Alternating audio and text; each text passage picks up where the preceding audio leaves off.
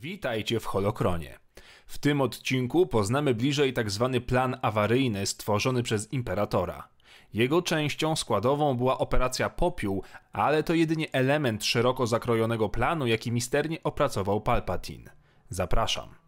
Sheev Palpatine miał na tyle mądrości i wiedzy o historii Sithów, że choć planował życie wieczne i robił ku temu wszystko co możliwe, wiedział też, że pewna losowość przypadków i działania mocy mogą kiedyś zakończyć się dla niego śmiercią, przynajmniej chwilową.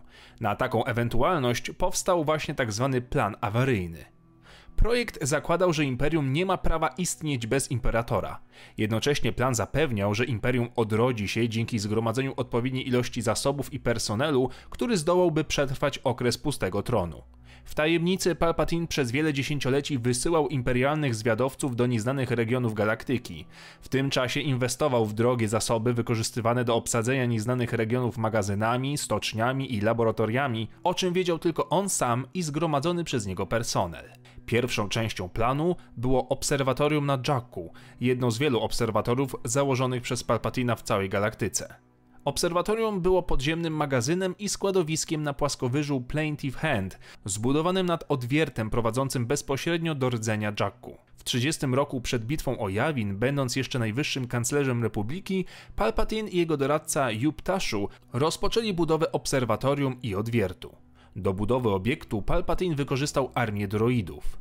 Obserwatorium stało się swoistą bombą. Umieszczenie relikwii i artefaktów Sithów na dnie odwiertu w wypadku detonacji rozsadziłoby rdzeń Jakku, wywołując kataklizm, który zniszczyłby planetę oraz orbitujące i uziemione siły Imperium oraz wroga. Palpatine uważał, że zagłada musi być obustronna. Drugą częścią planu był Gallius Rax, mieszkaniec Jacku, którego Palpatine przyjął jako protegowanego po tym, jak Rax natknął się na plac budowy. Palpatine zlecił Raxowi pilnowanie tego miejsca podczas jego nieobecności. Kanclerz musiał dalej budować swoją polityczną potęgę.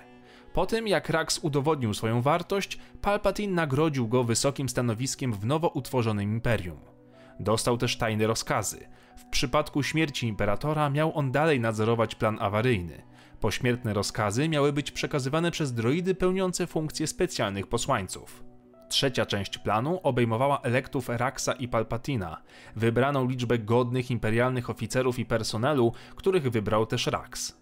Ich celem była ucieczka do nieznanych regionów, które były znane z tego, że nawigacja była prawie niemożliwa bez użycia tajnych współrzędnych nadprzestrzennych. Korzystając z informacji częściowo uzyskanych przez wielkiego admirała Frauna, który pochodził z okolic nieznanych regionów, starożytne komputery umieszczone w obserwatorium na Jakku przez lata kreśliły trasy przez tą część galaktyki, ostatecznie wyznaczając bezpieczne przejście. Kiedy trasa została wyznaczona, Rax miał na pokładzie superniszczyciela wyruszyć w nieznane, by budować tam nowe imperium. Po śmierci imperatora w bitwie o Endor plan został w pełni aktywowany. Droidy posłańcy wyruszyli i przekazali rozkazy najważniejszym dowódcom, którzy byli lojalni wobec ostatniej woli imperatora. Rozpoczęła się operacja Popiół, która obejmowała użycie promieni zakłócających klimat na Nabu oraz wielu innych planetach, zarówno tych lojalnych Imperium, jak Wardos, oraz na planetach buntowniczych. Planety po takim działaniu przestawały być zdatne do życia. Admirał Rax utrzymywał plan w ścisłej tajemnicy przed swoimi podwładnymi, nawet przed Radą Cienia, składającą się z najwyższych urzędników i dowódców imperium. W końcu Rax objął przywództwo nad zjednoczonymi resztkami imperium i rozkazał swoim siłom zebrać się na Jakku na ostateczne starcie z Nową Republiką. Rax planował zabić tam wszystkich na miejscu, wyjątkiem był Brendol Hux, którego Rax uważał za istotnego dla ciągłości planu Imperatora. Admirał polecił komendantowi Haxowi przeszkolić na Jacku miejscowe dzieci w żołnierzy, którzy staną się podwalinami nowego imperium. Podczas szalejącej bitwy nad planetą Rax i Tashu zdetonowali relikwie Situ w jądrze planety, by wywołać kataklizm. Rax następnie zabił Tashu, wpychając go do odwiertu. Zanim Rax mógł uciec ze świata, został zabity przez mściwą wielką admirał Sloan, której zaszedł wcześniej za skórę. Plan jednak był już w ruchu. Admirał Sloan została nową wykonawczynią woli imperatora. Na pokładzie jachtu Palpatina, zwanego jako Imperialis, wraz z Haxem i jego synem oraz dziećmi szkolonymi na żołnierzy, wyruszyli na rendezvous z superniszczycielem w nieznanych regionach. Po bitwie o Jakku wielki wezyr Mas Ameda formalnie ogłosił poddanie się imperium i podpisał tzw. Tak galaktyczną konkordancję w piątym roku po bitwie o Jawin. Porozumienie to zdecentralizowało imperium, zmuszając je do pozostania w określonych granicach w jądrze i wewnętrznych rubieżach, podczas gdy na Korsent utworzono tymczasowy rząd nadzorowany przez Republikę. Garstka imperialnych dowódców nie zgadzała się na traktat pokojowy i dalej prowadziła walkę z Republiką. Inne siły uciekły w kierunku nieznanych regionów, używając tajnych współrzędnych nadprzestrzennych. Wyczerpane restrykcjami Nowej Republiki i reparacjami wojennymi Stare Imperium w końcu obumarło, a polityczni sympatycy Imperium dołączyli do centrystów w Galaktycznym Senacie. Zapanował względny pokój. Jakt Imperialis dotarł w końcu do niszczyciela zaćmienie w nieznanych regionach.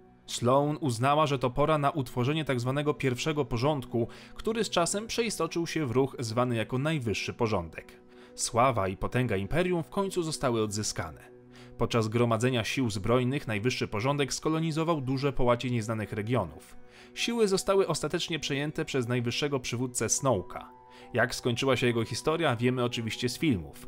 W rzeczywistości Snoke okazał się być zmodyfikowanym genetycznie klonem, za którym stali członkowie kultu Sith Eternal, będących kadrą lojalistów ciemnej strony mocy.